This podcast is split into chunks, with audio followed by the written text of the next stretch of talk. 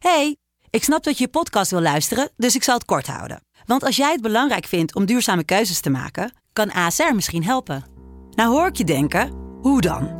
Nou, bijvoorbeeld bij het duurzaam herstellen van schade. Of de premies die we beleggen volgens ons duurzaam beleggingsbeleid. Dat bepaalt waar we wel en juist niet in investeren. Wil je meer weten over welke duurzame keuzes ASR maakt? Ga dan naar asr.nl slash duurzame keuzes. ASR doet het. Zo, dan kan je nu lekker naar je podcast luisteren. Het blok is terug. Vier koppels, vier bouwvallen, vier verbouwingen en dus een hele hoop stress. Het blok, iedere werkdag om half negen bij net vijf. De stroom.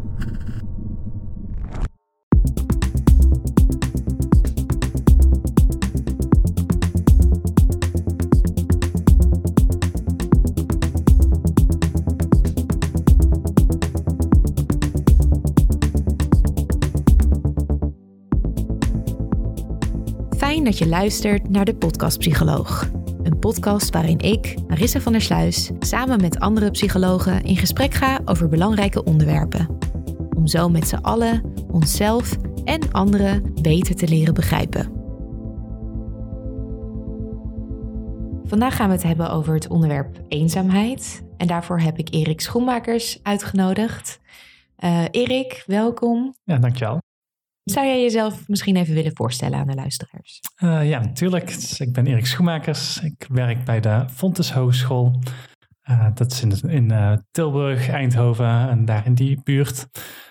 ik doe daar onderzoek naar eenzaamheid, eenzaamheid technologie, eenzaamheid gespreksvoering. en ik geef daar les op de opleidingen toegepaste gerontologie mm. en de Master Healthy Aging Professional. Hey, en je zit hier uh, voor de tweede keer op uh, gepaste, sociaal geaccepteerde afstand.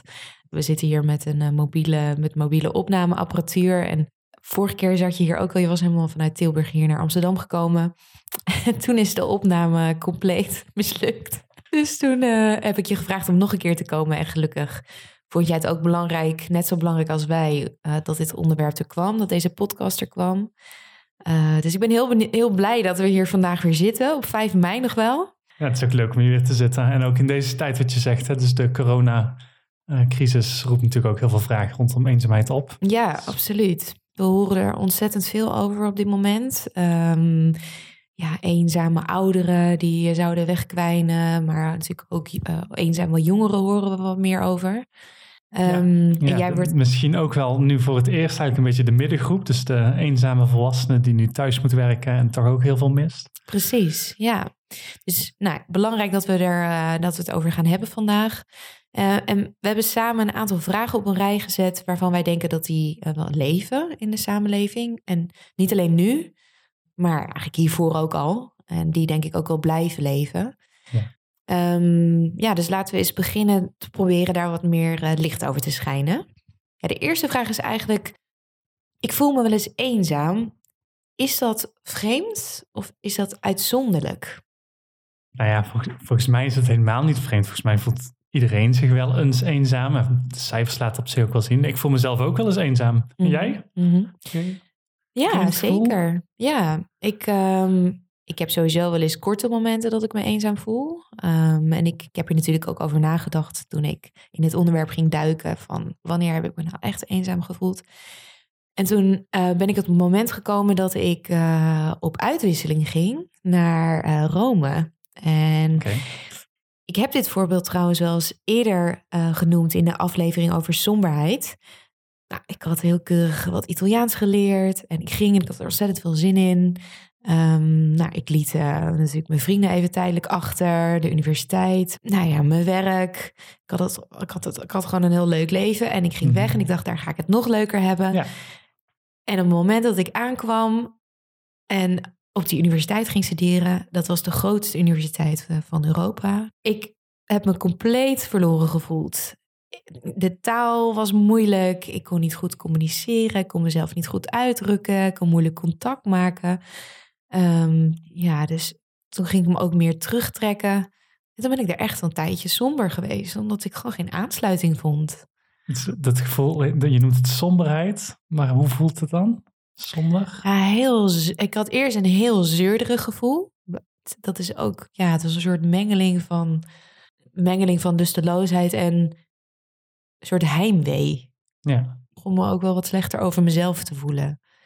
Ja. Het is wel echt een soort van negatieve spiraal. Jezelf ook daarin denkt of praat. Of, ja. Ja, zeker. Ja, en gelukkig ben ik daar uiteindelijk ook wel weer uitgekomen. Juist ook door dingen te gaan opzoeken en door te blijven proberen. En nou ja, uiteindelijk heb ik in de tweede helft van mijn uitwisseling het ontzettend leuk gehad. En heel veel mensen ontmoet. En eh, dus nou, Ja. het, was positief, het is positief afgelopen. Maar Heb je er ook iets van geleerd? Ehm, ja, ik heb geleerd dat eh, als ja, ik, wat ik heb geleerd is als ik weer zo'n stap zou maken, dat ik me onmiddellijk zou onderdompelen in allerlei eh, sociale contacten. Dus in eh, bij een sportclub zou gaan in een nieuw land, bij misschien een vereniging, om mezelf te dwingen om toch de hele tijd structuur te hebben en ja, onderdeel te zijn van groepen, groot of klein. Dat is echt super interessant, want voor heel veel mensen heeft eenzaamheid ook echt zo'n functie hè, om iets te leren.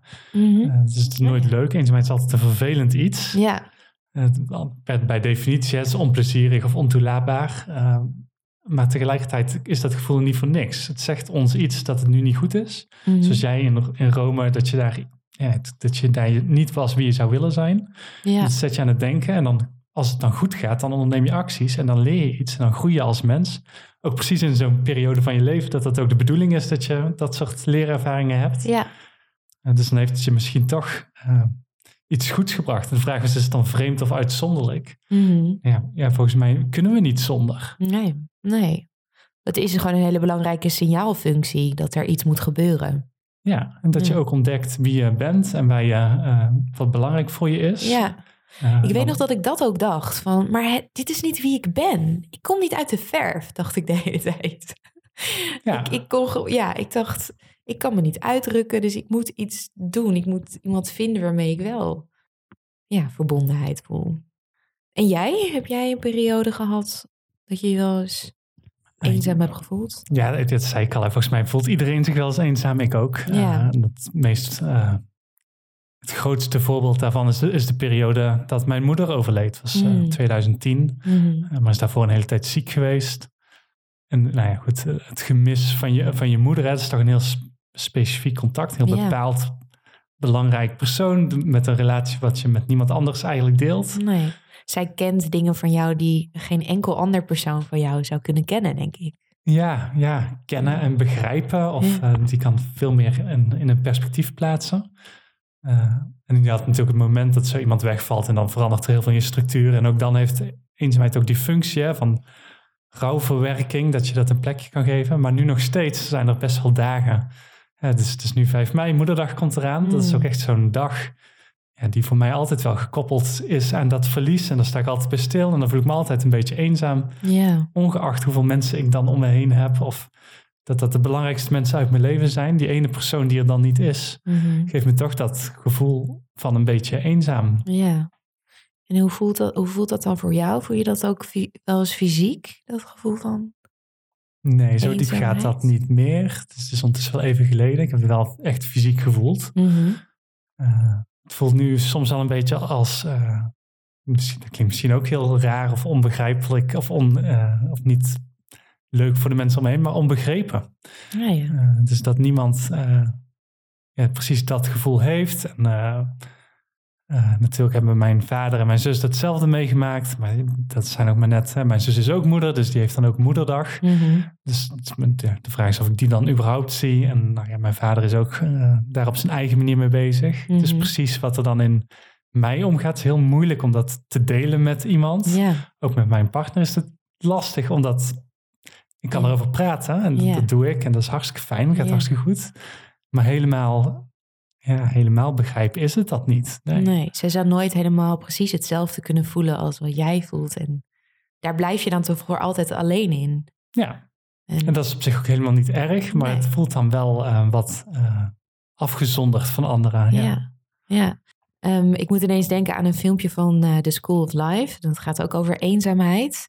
En eh, zij zeggen in dat filmpje, en dat vind ik altijd wel mooi, van als mens moet je accepteren dat er nooit iemand zou zijn die jou helemaal precies begrijpt.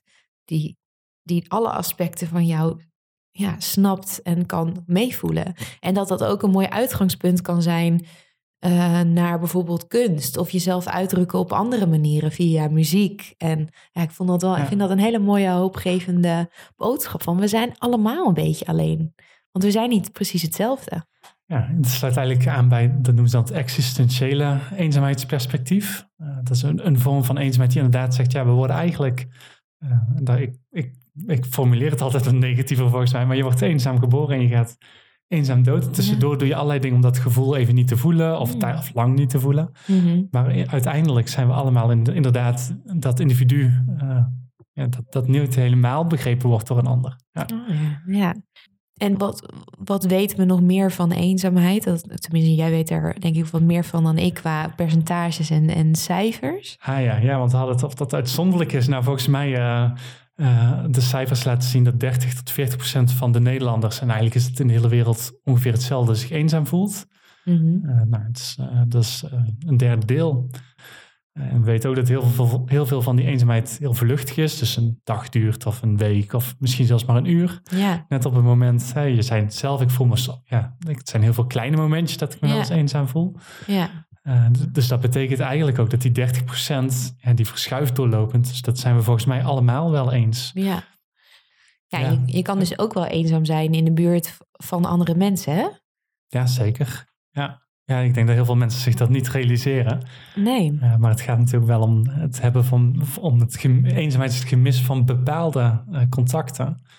En de ene is het ander niet. Dus als jij op het moment heel veel behoefte hebt aan je vriendengroep mm en je zit door de coronacrisis thuis met je partner, dan kun je nog steeds een superleuke partner hebben. Maar die vriendengroep, die heb je dan op dat moment even niet voorhanden. Of Nee. alleen digitaal, want dat is toch ook niet hetzelfde voor iedereen. Dus Mhm. eh, dan kun je nog steeds dat, ja, dat contact missen. Ja, dus het, het gaat er niet altijd om wat de kwantiteit is van je relaties, maar natuurlijk ook wat de kwaliteit Mhm. is en wat je daarin zelf ook wil en wat je feitelijk hebt. Ja, ja, precies. Dat gat tussen wat je hebt en wat je wil. Eh, en we willen allemaal iets anders. We hebben allemaal een andere, ja, wij, wij noemen het dan een relatiestandaard. Dus de Mhm. verwachtingen die we hebben van de relaties die we hebben Mhm. of die we willen. Eh, en ja, die zijn gewoon heel anders. En nou ja, in mijn geval, hè, als ik mijn relatiestandaard is dat ik een moederfiguur in mijn leven heb. En ik heb net verteld, die is eh, overleden. Dan wordt het gewoon heel moeilijk om dat te realiseren. En als Ja. ik daar dan niet iets doe in die relatiestandaarden.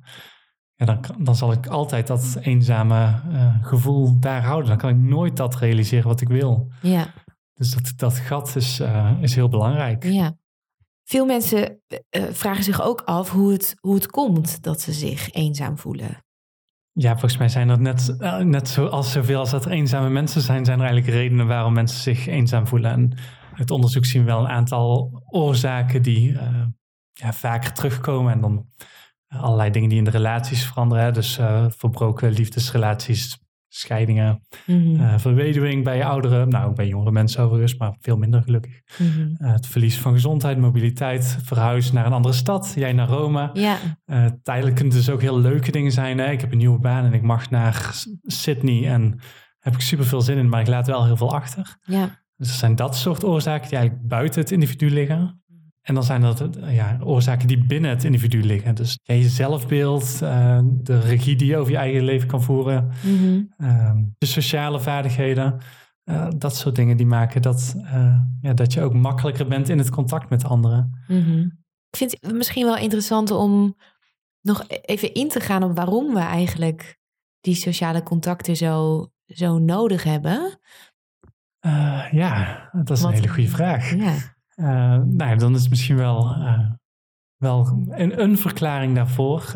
ja, zit, zit hem in de evolutietheorie. Mhm. En die stelt eigenlijk dat wij als mens zijn we een, een kuddedier, hè, zoals schapen of antilopen of bedenk het maar. En willen wij graag veilig zijn van ja, de roofdieren om ons heen of de gevaren om ons heen, moet je in ons geval misschien wel zeggen. Eh, en op het moment dat wij eh, als mensen in een groep zijn, dan, dan kunnen we ons wat meer verstoppen achter anderen, hebben we meer dat gevoel van veiligheid. Eh, en die groep, ja, die, die biedt ons dus een soort van ja, vastigheid. Ja. ja, dat vind ik wel interessant dat je dat zegt. Want ik, ik had er ook even zitten nadenken over wat ik dan denk dat ook eh, een oorzaak kan zijn van eenzaamheid in deze, in deze ja, huidige maatschappij, dus deze moderne maatschappij. En ja, we, we leven tegenwoordig ook wel in steeds minder soort wederkerige, steungevende uh, gemeenschappen. Ehm, niet zoals vroeger, waarin ja, mensen heel erg naar elkaar omkeken en elkaar in de buurt bijvoorbeeld veel hielpen. Waar je continu omringd bent door uh, je oude jeugdvrienden en je familie. Dat is allemaal veel meer weggevallen. Um, we werken veel, veel langere uren, we zitten veel meer in de auto en daardoor hebben we ook veel minder tijd om te besteden aan intieme banden, uh, aan sociale contacten. En ik zat, het, ik, ik zat ook te denken, ik, ik vind het heel interessant om dat ook vanuit de hechting, hechtingstheorie te bekijken. En dat zeg je eigenlijk ook vanuit die evolutionaire theorie. We hebben die intieme banden met mensen nodig om het, gevoel te hebben van een bepaalde beschutting. We kunnen bij iemand schuilen tegen de stormen des levens, als het ware. En ja, diegenen die, die zijn er altijd voor jou. Daar kan je op bouwen. En vanuit die veilige plek kan je dan de wereld ontdekken. Maar het vormen van die relaties, dat kost wel tijd. En het kost wel aandacht. En dat is iets waar we ja, de laatste tijd volgens mij wel weinig van hebben. Toevallig in deze tijd hebben we misschien er weer wat meer tijd voor. Ja, tijd wel, maar dat wil niet zeggen dat we ook de gelegenheid hebben. Nee. het is echt interessant, want er waren natuurlijk uh, als sociologisch sprekende... Uh, hadden we voorheen natuurlijk veel meer vaste structuren in de samenleving. Ja. Dus uh, nou, kerken, scholen, dorpen, buurten, gemeenschappen... Uh, en nu zijn daar heel veel andere structuren voor. Hè? En er zijn heel veel mensen die daar ook heel goed onder gedijen. Die ja, nu misschien wel veel minder eenzaam zijn. Heel gelukkig zijn dat ze niet vastzitten in diezelfde structuur. Waar ze zich eigenlijk misschien wel heel erg... opgelegd was. Ja, precies. Die, waarin ze zich ook niet helemaal thuis voelden. Maar juist voor de ja, misschien wat meer uh, kwetsbare mensen... of de mensen die daar meer gevoelig voor zijn... was het toch ook wel heel fijn om iets te hebben wat er altijd was. Dus een kerk of een uh, familiebanden zijn ook veel minder recht geworden. Want, en we wonen allemaal over de hele wereld. Ja. Uh, dus uh, meer vanzelfsprekendheden. En dat is nou, voor heel veel mensen wel echt heel belangrijk. Ja, en ik had een heel leuk onderzoek gevonden. Dat is een best wel beroemd onderzoek van Alfred Tomatis. Of, Tomatis. en hij onderzocht een aantal depressieve monniken. En na lang eh, onderzoek kwam hij erachter dat, uh, dat ze allemaal depressief waren geworden sinds ze waren gestopt met twee keer per dag van die Gregoriaanse liederen zingen in een groep. En ja, dat was zo belangrijk voor ze, want dat markeerde een soort ja, moment van verbondenheid. En uh, dat gaf wat houvast en structuur. En nou, dat was weggevallen en ja, dat, dat, daardoor viel ook eigenlijk de hele groep uiteen. En ik vond het wel een mooi voorbeeld van hoe ook dat wegvallen van die structuur en bepaalde rituelen dus ook voor eenzaamheid kunnen ja, zorgen. Zeker, ja. Ik, ik ben ook altijd, eh, als mensen mij vragen rondom, daar zullen we het straks wel over hebben, maar wat je zoal kan doen rondom eenzaamheid, dan is, is mijn, en dan hou ik ook altijd wel een warm, probeer ik altijd een warm pleidooi te houden voor het, het concept afleiding. Mhm. En mensen reageren er wel op, ja, afleiding is ook maar afleiding en levert dat dan structureel iets op. Mhm. Maar juist die structuur, hè, dus die monniken die twee keer per dag iets zingen, uh, die op die manier uh, ja, afleiding zoeken van ja, die, die misschien wel die, uh, die eenzaamheid die, die, die ligt in structuurloosheid. Mm -hmm. En dat je gewoon opstaat op een dag en echt niet meer weet ja, wat je die dag gaat doen. En dan helpt het om een aantal vaste dingen te hebben. Of dat dan Gregoriaanse liederen zingen is. Of uh, op vrijdag naar de markt en op woensdag ja. naar het wijkcentrum. En er zijn Ja. heel veel vaste dingen waardoor we Ja. onze dagen doorkomen. Waardoor we gewoon niet aan die eenzaamheid denken. En nou ja, eenzaamheid is subjectief. Het is altijd een gevoel. Mhm. En als je er niet aan denkt, ja, dan, dan is het er eigenlijk ook niet. Nee. Dan voel je misschien als je klaar bent met die structuur s'avonds alsnog wel eenzaam. Mhm. Maar beter alleen s'avonds dan de hele dag. Was er dan langer niet dan wel? Ja. Dus uh, volgens mij is afleiding en structuur is, is, uh, ja, dat zijn echt dingen die we eigenlijk allemaal toepassen om ons niet eenzaam te voelen. Misschien is werk ook wel gewoon een afleiding. Mhm. Als we dat allemaal niet zouden hebben, dan zouden we ons volgens mij doorlopend eenzaam voelen. Ja. Ja. Ja, dus de afleiding is helemaal niet zo slecht en eh, is een hele goede strategie. Zeker. Ja. Het is niet de enige strategie, maar ja, volgens mij moeten we daar niet te negatief over doen. Oké, ja, we hebben het gehad over, over oorzaken en, en ook het belang van structuur daarin. Dus Mhm. het wegval van structuur kan dus ook wel echt een oorzaak zijn. Mhm. Uh, iets anders wat je af kan vragen is, hoe, hoe erg is dat nou als je eenzaam voelt? Stel nou, ik voel me eenzaam, moet ik me dan zorgen maken? Ja, is een hele goede vraag. Want ik denk ook dat, dat veel mensen zich dat, dat afvragen. Van wanneer is het nou tijd om er uh, iets aan te doen of om hulp te zoeken? Ja, zoals we net al besproken, we voelen ons allemaal wel eens eenzaam. En dat is niet gek. Ik denk wel dat, dat als je er echt op, op lange termijn uh, last van blijft houden, dat, dat je er echt somber door gaat voelen, dat je bijvoorbeeld geen zin meer hebt om dingen te doen en het grootste gedeelte van de dag je depressief of down begint te voelen. Als psycholoog zijnde zou ik dan zeggen, dan ben je misschien in een depressie aan het glijden en dan is het, uh, wordt het misschien tijd voor hulp. Zijn er wel eens mensen die zich bij jou melden met eenzaamheidsklachten als psycholoog? Ja, zeker. Ja. Alhoewel, dat is niet iets wat dan op de verwijsbrief staat. Het is vaak somberheid, stemmingsklachten. En als we dan gaan uitzoeken wat er aan de hand is, dan kom ik er wel eens achter dat de belangrijkste oorzaak en ook de instandhoudende factor, dat dat eenzaamheid is. Dus mensen die hè, misschien helemaal niet feitelijk zo sociaal geïsoleerd zijn, best wel mensen om zich heen hebben, maar zich vaak emotioneel toch op een eiland voelen. Omdat ze bepaalde diepere dingen niet met iemand kunnen delen. Ja, Hoe zie jij dat? Precies, ja, ik denk dat het heel goed is om dat onderscheid te maken. Dus we Ja. hebben het nu ook over eenzaamheid als iets ja, wat een functie heeft in je leven. Ja, daar geloof ik ook heel hard in. En tegelijkertijd zijn er ook mensen die zo lang blijven hangen in die eenzaamheid. En of dat dan 1, 2, 3 weken of maanden is, ja, dit dat vind ik heel moeilijk om daar iets over te zeggen. Is misschien ook heel individueel. tuurlijk, ja. Uh, maar op het moment dat mensen langer in die eenzaamheid blijven, Mhm. dan lukt het ze dus niet om eh, dat signaal van je lichaam of je psyche van hey, ik voel me eenzaam, het gaat niet lekker, ik moet Om iets te doen. zetten, ja. Dat om te zetten in iets anders. En dan ja, vervallen mensen wel echt in slechter gedrag. En slecht gedrag in, in termen van leefstijl. Dus ehm, niet voor jezelf koken, minder gaan bewegen, slechter slapen. En we weten ook dat eenzaamheid echt gekoppeld is aan eh, een toename van stress. Een stresshormoon. eh, dat mensen dus ja, daar echt ongezond van worden als dat langer duurt. Mhm. Dan stapelt zich het allemaal op en dan zien we dat de gezondheid van mensen achteruit gaat. Zowel lichamelijk, eh, dus we weten eenzaamheid is gerelateerd aan hart- en vaatziekten. Ja, Uh, maar ook mentaal, uh, cognitief, uh, eigenlijk alles, alle aspecten van gezondheid, ja. die, die, die gaan dan achteruit. En niet per se omdat je je ooit een keer eenzaam voelt, Mhm. maar door die toename van de stress en die slechtere leefstijl, dat soort mechanismen. ja, het zet allerlei andere dingen in gang en die, Ja. ja, dat is weer heel ongezond. Ja, en dat is ook wel heel ja, frappant. Hè? Dus je ziet natuurlijk dat mensen aan de ene kant soms best wel lang eenzaam zijn. Uh, en die toch heel goed voor zichzelf zorgen. En dat, dat het gewoon heel leefbaar is. Ja, En, en aan de andere kant zie je ook mensen die ja, misschien wel veel minder lang eenzaam zijn. ja maar er echt helemaal in wegzakken. In Maar daar helemaal in wegzakken. En dan Ja. gaat het ook van kwaad tot erger. Hè? Dus dan uh, naar een van de andere gevolgen van eenzaamheid is ook... Het, het, het uh, houdt zichzelf ook in stand. Ja, Dus we weten ook dat als mensen um, zich wel eens eenzaam voelen en dan gaat hun zelfbeeld achteruit. Je gaat bijvoorbeeld nog naar een feestje, staat in een hoek van een kamer. ja. Uh, en Dus je denkt, oh, ja, anderen zitten toch niet op me te wachten. precies, en niemand wil met mij praten. Nou, dan ga ik de volgende keer wel niet. Of ik ga wel eerder naar huis. Of Ja. ja. ja, dat je dan op die manier jezelf ook ja, steeds verder in die neerwaartse spiraal praat of denkt. Uh, ja. Ja, en ik vind het nog wel belangrijk om te, om te benoemen dat, um, dat je je ook best wel eenzaam kan voelen binnen een relatie. Uh, dus je kan best een partner hebben waar, waarmee je op een gegeven moment helemaal geen ver, verbinding meer voelt. Dat je elke keer wanneer je eigenlijk troost nodig hebt, die ander zich van jou afsluit. Ja, dat is precies, ook en echt hoeft de relatie nog niet eens per se heel slecht te zijn. Hè? Maar het moet, het moet precies passen. Je moet er wel uit kunnen halen wat je eruit ja. wil halen, wat je nodig hebt. Ja. En dus ook heel wat die relatiestandaard is, wat voor jou echt van belang is. Ja.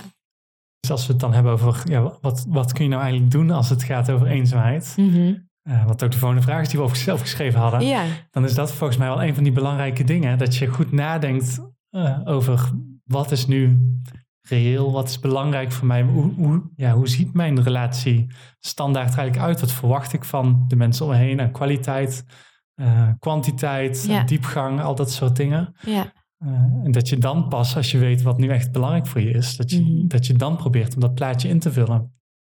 Ja, ik had, het is grappig, want ik had ook opgeschreven dat je bij jezelf even uh, te raden moet gaan. Van sta ik ook zelf eigenlijk wel open voor een intiemer contact? Of en ga ik er eigenlijk al vanuit dat anderen dat niet willen? Dus ik denk ook dat dat iets is. Dus naast dat je je afvraagt van wat wil ik, sta ik er ook daadwerkelijk voor open. Want vaak gaan we er dan wel vanuit als je je eenzaam voelt. Maar onbewust doe je misschien toch wel dingen, of vind je het misschien wel heel spannend, om die intieme relaties of, of de relaties die je wil, om die uh, ook voor jezelf te gaan bewerkstelligen. Want dat is ook spannend. Nee, dat, klopt helemaal. Dus als we onderzoek naar, uh, en dan heb je het over langdurig eenzaam mensen, laat ook wel zien dat zij uh, minder goed zijn in sociale contacten, inderdaad zichzelf afschermen van anderen. Uh, door minder oogcontact te maken, door korter te zijn in de boodschappen die ze zenden. Mm uh, dus die, uh, ja, echt, als je dan weer denkt aan het concept veiligheid, ja, echt een muur rond zichzelf optrekken. En dan, ja. dat willen ze natuurlijk eigenlijk niet. Maar het is ook de manier om jezelf niet te kwetsbaar te maken. Ja, dus op die manier hebben zij eigenlijk geleerd om met die stormen van het leven om te gaan. Dus ja, zet als, ik gewoon als een ik hele maar niemand toelaat, doet ook niemand met pijn. Ja, ja en wat, wat nog meer? Wat zou je nog meer eh, zeggen wat mensen kunnen doen als ze zich eenzaam voelen? Ik denk altijd dat het, het allerbelangrijkste is dat je daarover kan praten met iemand. Mhm. Eh, praten heeft allerlei eh, mooie functies, denk ik. Ik denk misschien de belangrijkste wel. Dus als je gaat praten over je eenzaamheid en wat belangrijk voor je is, eh, dat je ook je gedachten zelf een beetje op een rijtje krijgt. Hè? Want dat kun je heel goed proberen in je hoofd, maar zo gauw je het naar iemand toe communiceert en die stelt je vragen, Ja, eh, in plaats van dat hij al de antwoorden geeft, maar die, die oprecht luistert en vragen stelt, dan ga je zelf ook heel goed nadenken over hoe dat dan zit en waar het vandaan komt. Mhm. Dus volgens mij is dat gesprek heel belangrijk. ja. En het gesprek, je bedoelt over eenzaamheid, ehm, over dat je eenzaam bent en dat je het graag anders zou willen zien, dat je daar open over bent. Ja, en ik weet dat, dat, eh, dat mensen dat heel moeilijk vinden. Mhm. Eh, maar, voor, maar ja, ik, ik denk nogmaals dat het wel echt dus heel belangrijk is om te doen. Ja, want zodra je het uitspreekt, is het, is het ook al minder erg, denk ik. Want dan, ben je, dan, dan weet die ander ervan en dan ben je dus niet meer eenzaam en alleen met die eenzaamheid. Dus ja, alleen al deze, deze stap zorgt denk ik al voor een hele hoop opluchting. Ja, en ik denk ook dat het dan anderen ook uitnodigt om ook over hun eenzaamheid te praten. Ja, Eh, En dat dat, want ja, iedereen voelt zich wel eens eenzaam. Dus we kunnen allemaal voorbeelden opnoemen van hoe dat voelt of hoe dat was. En we kunnen ons er allemaal tot verhouden. ja, gedeelde eenzaamheid. Gedeelde eenzaamheid misschien, ja. En Maar als we er nooit over praten, dan blijft het altijd iets raars of iets Ja. geks of iets. Hè, maar, nou, onze eerste vraag, ben ik, nou, ben ik nou ja. eigenlijk vreemd of, of uitzonderlijk? Ja, nou ja, het- als je je vreemd of uitzonderlijk voelt, eh, uitzonderlijk kan ook nog een hele positieve con- connotatie hebben natuurlijk, ja, maar ja. dat, ja, dat, dat is niet wat je Raar. wil. Terwijl het een, gewoon een hele normale emotie is, Ja. eenzaamheid. Mhm. Eh, wat we natuurlijk ook wel zien is dat mensen zo gauw als iemand begint te praten over eenzaamheid allerlei oplossingen probeert te verzinnen of activiteiten aan gaat dragen. Ik heb het zelf ook wel eens gedaan. Dat, eh, ja. En dan doe ik al tien jaar onderzoek, eh, nou toen wel iets minder lang, naar eenzaamheid. En dan kwam een vriend en die was op dat moment gescheiden, relaties uitgegaan. ja. Eh, en mijn reactie was, oh, oh wat, nou ja, zullen we anders gaan mountainbiken? Dus ik dacht, Mhm. oh, zo gewoon eh, iets totaal anders in plaats van dat je gewoon vraagt, goh, gaat het eigenlijk met je? Of eh, wil je zo eens gaan zitten en eh, vertel eens? ja. Maar dat je naar een soort van afleiding voor de ander gaat. En denk, Mhm. nou, weet je, dan zijn we in ieder geval iets aan het doen en hoeven we het daar niet over te hebben. Ja, en doen we allemaal wel eens, denk ik. Dat we Ja. daarmee de plank misslaan. Ja, Ja, maar dat moeten we niet vaak doen. nee. En specifiek voor eenzaamheid, zijn er dan dingen die gebeuren die dan ook niet echt werken? Eh, ja, ja, helaas wel. Ja. Als je nu op het internet gaat zoeken naar eenzaamheid, kom je bij duizend en één super mooie, goed bedoelde initiatieven uit van mensen, eh, van organisaties en individuen, vrijwilligers die met heel veel liefde en passie eh, mensen bij elkaar zetten om elkaar te ontmoeten.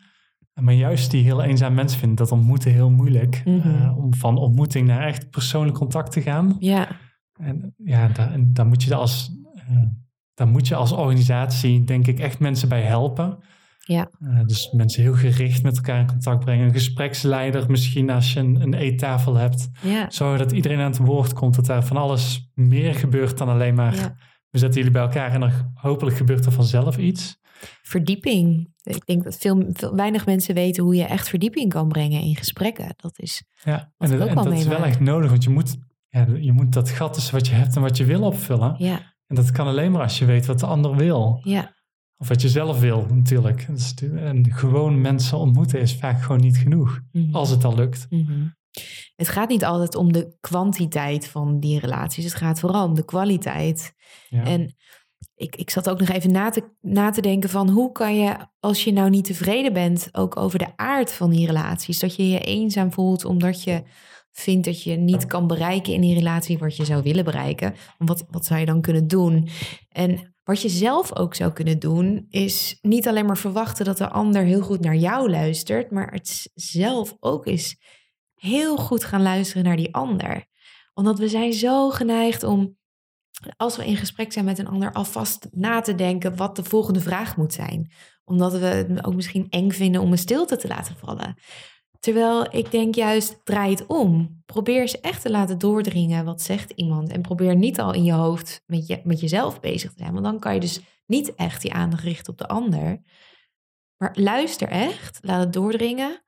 En vertrouw erop dat je dan vervolgens wel weer gewoon een reactie kan geven. Of er is even een stilte. En juist in die momenten van stilte ontstaat er vaak ook een soort intimiteit. Ehm, want dan kan er even een emotie zijn, is daar ruimte voor.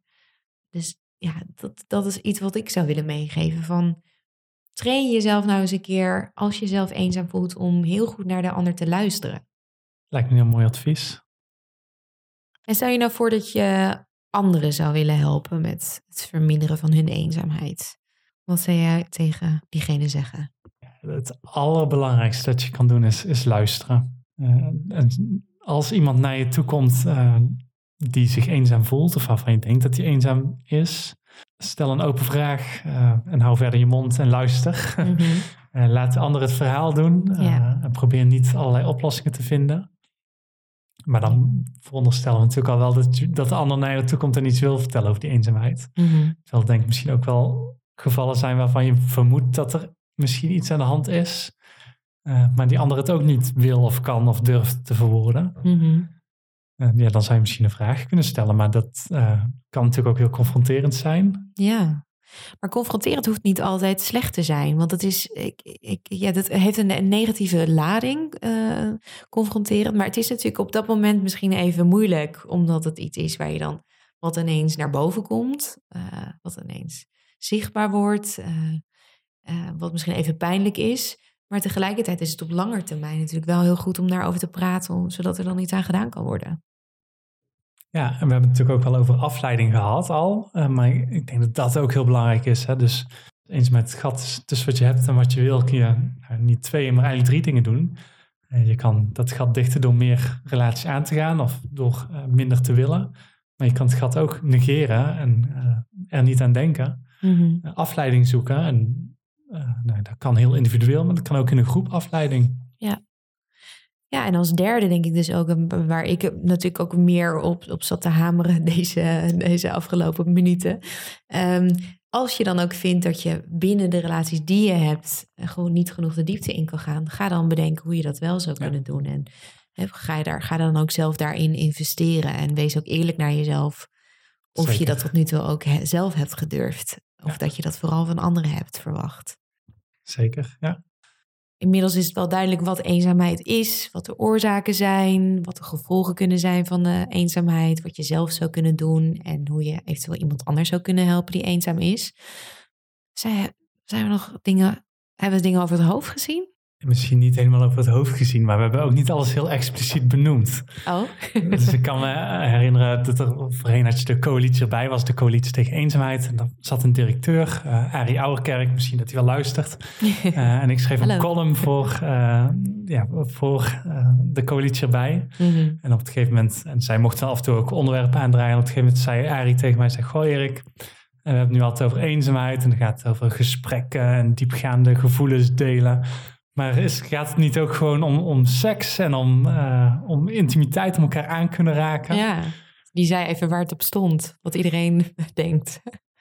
Ja, ja, misschien. Ik weet eigenlijk niet. Volgens mij denken daar heel veel mensen niet aan als het gaat om eenzaamheid. Eh, maar het gaat natuurlijk om bepaalde contacten en Ja. bepaalde dingen die je met mensen deelt.